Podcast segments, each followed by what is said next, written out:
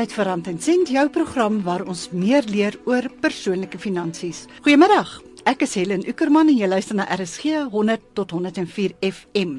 Vandag se program word geborg deur die Raad op Finansiële Dienste of in kort die RFD wat finansiële dienste in Suid-Afrika reguleer. Dit is die tweede in 'n reeks van 9 programme wat sal handel oor die RFD en wat die raad vir jou as verbruiker kan beteken. By ons in die ateljee is Lindwil Clark, hoof van verbruikersopvoeding by die Raad op Finansiële Dienste. Baie welkom by ons Lindwil. Dankie Helen, is goed om hier te wees en goeiemiddag aan al die luisteraars. Lindwil, heel eers vertel gou vir ons wat doen die Raad op Finansiële Dienste? Helen, ja, vir die luisteraars wat nie weet nie, die uh, Raad op Finansiële Dienste is die reguleerder van die nie bank finansiële dienste industrie in Suid-Afrika en voer sy funksies uit in terme van die Financial Services Board wetgewing van 1990 in die openbare belang natuurlik en as ons praat van die nie bank eh, industrie dan kyk ons na die versekerings, ons kyk na privaat pensioenfonde, natuurlik al jou beleggings wat jy op die aandelemarke doen. So Ons het dus ook 'n 'n mandaat om verbruikersopvoeding te doen want alhoewel ons kyk dat die finansiële instansies al die wette en die regulasies aan dit voldoen, het ons ook 'n plig om die verbruikers in te lig oor hulle regte as ook hulle verantwoordelikhede um, as dit kom met hulle finansiële sake. So is julle funksie in terme van die verbruiker hoofsaaklik opvoedkundig? Van daai mandaat ja, maar hoofsaaklik is dit om die industrie, die finansiële industrie te te reguleer en om te kyk dat hulle voldoen aan al die regulasies en die wette om al daardie industrie. Kom ons praat oor geldbestuur. Wat behels goeie geldbestuur in 'n netedop en waarom is dit so belangrik vir elke mens wat 'n inkomste het? Hulle ja, geldbestuur natuurlik is nie net beperk tot mense wat 'n inkomste het nie en ek dink hier veral aan mense wat hulle werk verloor het of onlangs het ons die stakings gehad in in die Noordwes en aan die einde van die dag moet jy kos op die tafel sit en jy moet ook kyk dat die kinders skoolgeld het eh, en so voort. So geldbestuur vir my in 'n netedop is hoe jy jou geld dit wat jy kry, dit wat jy as 'n inkomste kry, ook dit wat jy het, hoe, die, hoe jy dit hanteer en wie jy vertrou met jou geld aan die einde van die dag. Hoe help die RFD Suid-Afrikaners dan om goeie geldbestuur onder die knie te kry. Soos ek gesê het, ons het 'n mandaat om verbruikingsopvoeding te doen en ons doen dit deur middel van verskeie programme en projekte deur die media, soos hierdie tipe van program. Ook het ons werkswinkels wat ons doen met verskillende groepe, veral die kwesbare groepe uh, in Suid-Afrika en die mense wat die meeste daar sal lê as van hulle geld van hulle weggeneem word sonder dat hulle weet presies hoe en waar en wanneer. Hoe dink jy Waarom is dit so bitter moeilik vir mense om hulle geld behoorlik te bestuur? Word daar genoeg gedoen benewens nou die RFD, byvoorbeeld in skole en in ouerhuise om ons jong mense op die regte spoor te sit? Helen, ja, dit gaan meesal oor hoe jy dink oor jou geld en wat jou ideale en drome vir die lewe is. Baie min mense stel lewensdoelwitte vir hulself. En gewoonlik is hierdie doelwitte gekoppel aan finansiële bestuur. Ek het onlangs eh, as 'n voorbeeld het ek 'n dame ontmoet wat eh, as 'n droom gehad het dat sy elke kontinent in die wêreld wil besoek voor sy 30 was. En sy vertel my toe dat op haar 30ste verjaarsdag klim sy toe in Rio de Janeiro af van die vliegtuig. Maar dit het gekos dat sy beplan, dat sy begroot en deel van daai beplanning begroting was besparing. So uh, is is 'n bietjie moeilik soms as jy nie die regte resep het nie, as jy nie begroot nie. En in Suid-Afrika veral het ons hierdie kultuur, dink ek van onmiddellike bevrediging. So ek wil nou daai Levi of die Guess jeans dra. Ek wil nie 6 maande daarvoor wag nie. 'n Ander aspek wat ons uh, moet na kyk is in ons huishoudings, is die onderwerp van geld soms baie taboe. Maar aan kinders moet jy weet wat pa verdien nie en ons praat nie met ons kinders oor begroting nie. En soms word die dinge wat ons se kinders wil hê, pas dit nie ons sak nie, maar omdat hulle ons ons kinders was en ons wil hulle bietjie tevrede stel, so ons koop dit alhoewel ons dit nie kan bekostig nie. In terme van ons skole word daar wel dinge gedoen in ons kurrikulum en veral vakke soos ekonomie en bestuurswetenskap. Daar word geldsaake ook bespreek, maar dit is soms baie akademies en ek dink ons het meer 'n praktiese toepassing in ons kurrikulum nodig. Is jy nie ook een van die mense by die RFD wat aan die kurrikula werk? Ons behoort ja, ons help vir die departement van onderwys. Ons het onlangs vir hulle gehelp om hulpbronne te ontwerp veral vir die ekonomiese en eh, bestuurswetenskappe vir graad 7 tot 9, maar dit is soms moeilik om vir die departement te ooreed dat kyk hierdie is 'n lewensvaardigheid. Is nie noodwendige akademiese kundigheid nie. So dis moeilik om veral by onderwysers, van ons moet onderwysers ook leer om hoe om vir die kinders hierdie goedjies aan te leer. En dit is moeilik as ek as onderwyser self nie weet hoe om my geld sake te hanteer nie. Ek dink dis dikwels die probleem nê dat die groot mense, die ouers, die onderwysers, hulle ja. weet eintlik ook nie, hulle het ook nie daardie ondervinding of kundigheid van die finansiële wêreld nie. Beslis, ek stem saam met jou. Hoe vaar Suid-Afrikaners egter oor die algemeen? Ja, ons het onlangs by die Raad op Finansiële Dienste het ons navorsing gedoen um, oor finansiële geletterdheid in Suid-Afrika. En ons het gevind dat 52% van ons volwasse bevolking stel gereeld doelwitte vir 'n uh, langterm finansiële beplanning. Maar omtrent 42% van ons Suid-Afrikaners glo daarin dat geld daar is om gespandeer te word. So ons het nie 'n kultuur van spaar of selfs beplanning in sommige van die gevalle nie, want baie van ons weet nie hoeveel geld ons het in die bank op die oomblik nie. Ons begroot nie daarvoor nie. En op een of ander manier moet ons tot op 'n punt kom waar ons sê ons moet vasstel wat ons het en dan moet ons dan bietjie werk om welvaart te skep. Rand en Sent se ateljeegas vandag is Lindwel Clark, hoof van verbruikersopvoeding by die Raad op Finansiële Dienste. Ons onderwerp goeie geldbestuur en hoe dit van jou 'n wenner kan maak. Vandag se program word dan ook geborg deur die Raad op Finansiële Dienste of dan in kort die RFD wat finansiële dienste in Suid-Afrika reguleer. Dit is die tweede in 'n reeks van 9 programme wat handel oor die RFD en wat die organisasie vir jou as verbruiker kan beteken. Wat is die eerste stap op pad na goeie geldbestuur? Om te begin begroot dalk? Hulle selfs voor jy kan begroot, moet jy jou huidige finansiële situasie bereken. 'n Soort van 'n stock taking exercise soos hulle sê. Om vas te stel hoeveel het ek en vir wie skuld ek wat? Want dis baie belangrik dat jy weet wat is my huidige situasie. Dan is dit baie rasse om 'n geldplan of terwyl jou begroting vas te stel. En dit help altyd om dood eerlik met jouself te wees. Al skuld jy jou vriend 'n R5, moet jy dit op jou begroting skryf. Maar sê nou eers vir my, wat presies is 'n begroting en wat is die doel daarvan? 'n Begroting is 'n plan van hoe jy jou geld gaan bestee. Ehm um, dit is niks meer as 'n plan op papier hoe dat jy jou geld gaan bestee vir die week of vir die maand en dit beplan of verdeel jou uitgawes teenoor jou inkomste. Daar's 'n goue reël hierso dat jy altyd moet meer kyk na jou inkomste as wat jy bestee of uitgee of jou uitgawes. So jou uitgawes moet basies minder wees as wat jy bestee. And that soos hulle sê is die golden rule. Die tweede stap natuurlik is jy moet by jou begroting bly.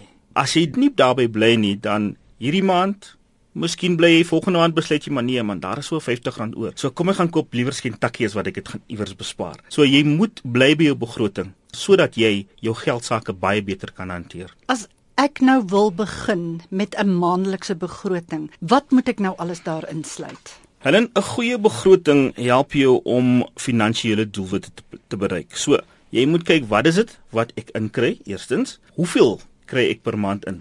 En dit sluit nou in byvoorbeeld jou salaris, miskien enige huurinkomste, miskien enige beleggingsinkomste, onderhoud vir jou kinders dalk, al daardie dinge. Al daardie uh, komponente moet jy neerskryf. Jy moet dit saamtel natuurlik en kyk wat is jou globale bedrag. Natuurlik jou inkomste moet jy bereken na al jou alle aftrekkings gedoen is vir jou belasting natuurlik, vir jou mediese fonds en so voort. En dan is dit belangrik om baie eerlik met jouself te wees. Wat spandeer jy en waarop spandeer jy dit? So in terme van jou uit uitgawes vir vervoer, jou uitgawes vir jou verband of jou huur, die uitgawes vir jou mediese fonds, uitgawes vir die kinders se skoolgeld tot op die broodjie wat jy gaan koop, met ander woorde, jou kruideniersware. En al daai cappuccinos en biertjies. Ja, jy moet dit skryf want as ons kom tot op 'n punt waar jou uitgawes meer as jou inkomste is, dan is dit die tipe van goed wat jy kan begin uitskakel veral dink ek vermaaklikheid en dinge wat mense ook graag op skuld aankoop. Daar kan jy sien waar jy kan sny. Beslis, maar soos ek gesê het, soms wil ons nie reis ons vermaak nie, want kyk, ons werk heel heel, heel maand en aan die einde van die week miskien of aan die einde van die maand wil ons so 'n bietjie uitgaan. So ons wil daar aansny dit is net hoeveel van hierdie vermaaklikheid gaan ons na toe? Gaan ek een keer per week teater toe? Gaan ek een keer per maand? Uh is dit nodig vir my om elke nuwe rolprent te gaan kyk? Is dit miskien 'n bietjie goedkoper om dit te huur en miskien in die gemaklikheid van my huis te kyk nie? So hierdie tipe van dinge moet jy opweeg en dan moet 'n balans wees. Um ons kan ook nie net heeldag werk werk werk nie want dan raak jy ook 'n bietjie mismoedig. Um en jy het 'n uh, tipe van uitlaat ook nodig. Jy luister na Rand en Sent en ons ateljee gas vandag is Lindwel Clark, hoof van verbruikersopvoeding by die Raad op Finansiële Dienste. Ons gesels oor goeie geldbestuur en hoe dit van jou 'n wenner kan maak.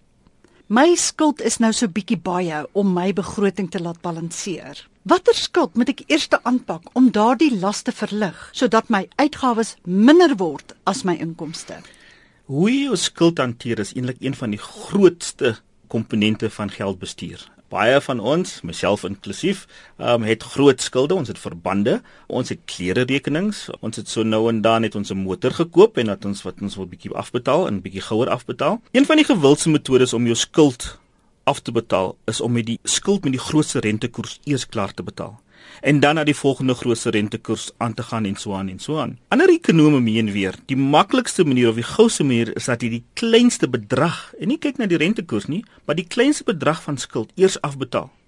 Daarna vat jy daai paaiement en sit dit dan op jou tweede grootste en so aan en so aan. En daar is meriete in albei metodes. Die tweede een kan miskien help dat jy dit gouer afbetaal. Jou paaiement tot op jou grootste skuld raak dan baie groter en dit word dan weer gouer afbetaal. So daar is twee prosesse, daar's twee maniere. En dan Helen, aan die einde van die dag moet jy ook baie eerlik met jouself wees. As daar 'n skuldbrief aankom, moet jy gaan na jou skuldeiser en vir hom of 'n reëling tref, maar moenie die skuldbrief in die mandjie gooi nie asseblief of in die asblik nie, want is eers 'n skuldbrief en daarna kom die rooi brief en so aan en so aan en dit maak sake net 'n bietjie erger. So is baie belangrik dat jy jou skuld erken en werk daaraan. Maak moeite om te kyk of jy daai skuld kan afbring of of jy hom kan afbetaal. Ja, ek dink is baie keer vrees nê nee, en en spanning en dit is makliker om volstrys te speel ja. as om daardie ding aan te pak en ja, om af te handel. Ongelukkig as jy volstrys sy kop oplig, bly die gevaar nog daar. Is 'n kredietkaart 'n goeie ding om te hê, Lindwil? En as ek een het, waarna moet ek oplet in terme van geldbestuur? Ek sê altyd, dis nie die kredietkaart wat jou in die skuld dompel nie. Dis die aksies van die eienaar wat tot die skuld lei. 'n Kredietkaart is 'n groot verantwoordelikheid en omdat dit tot oorbesiering kan lei en selfs voordat jy dit besef, is jy diep in die skuld. Um omdat jy jou kredietkaart gebruik vir dinge soos maybe kos. Vanaand is al die kos opgeëet, maar jy het nog steeds die skuld. So waarvoor jy die kredietkaart gebruik is ook baie belangrik. Indien jy wel een het, sal dit wys wees dat jy kyk na die rente en die maandelikse premie wat jy maandeliks daarop moet betaal. Jy kan natuurlik die rente vermy As jy die uitstaande balans terugbetaal op of voor die laaste dag van die kaart se rentevrye periode of die grasieperiode. Die luisteraars moet net seker maak dat hulle uitvind wat daai grasieperiode is, want dit verskil van verskaffer tot verskaffer en jy mag vind dat die een verskaffer sê 56 dae, die ander een sê 14 dae. So jy moet seker maak dat jy in daai periode jou balans afbetaal. As ek wel geld beskikbaar het of as geld beskikbaar raak, soos wat ek skuld afbetaal, dan kan ek mos nou begin spaar, nê, nee, en vir my 'n neseier opbou. Hoe stel 'n mens daardie spaar doelwit? Ek dink ons moet kyk na waarvoor jy spaar. Um ons het natuurlik korttermyn, medium en langtermyn.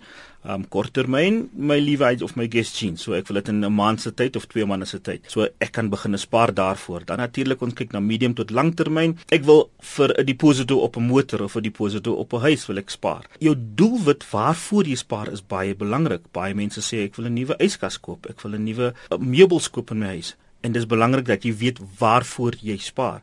En sodra jy daai doelwit gestel is, en weet hoeveel dit gaan kos, dan kan jy begin spaar en jy kan begin kyk na hoeveel geldjies moet ek elke maand in my begroting inskryf sodat ek daai doelwit kan bereik. Natuurlik spaar en daar is 'n bietjie 'n verskil tussen spaar en beleggings.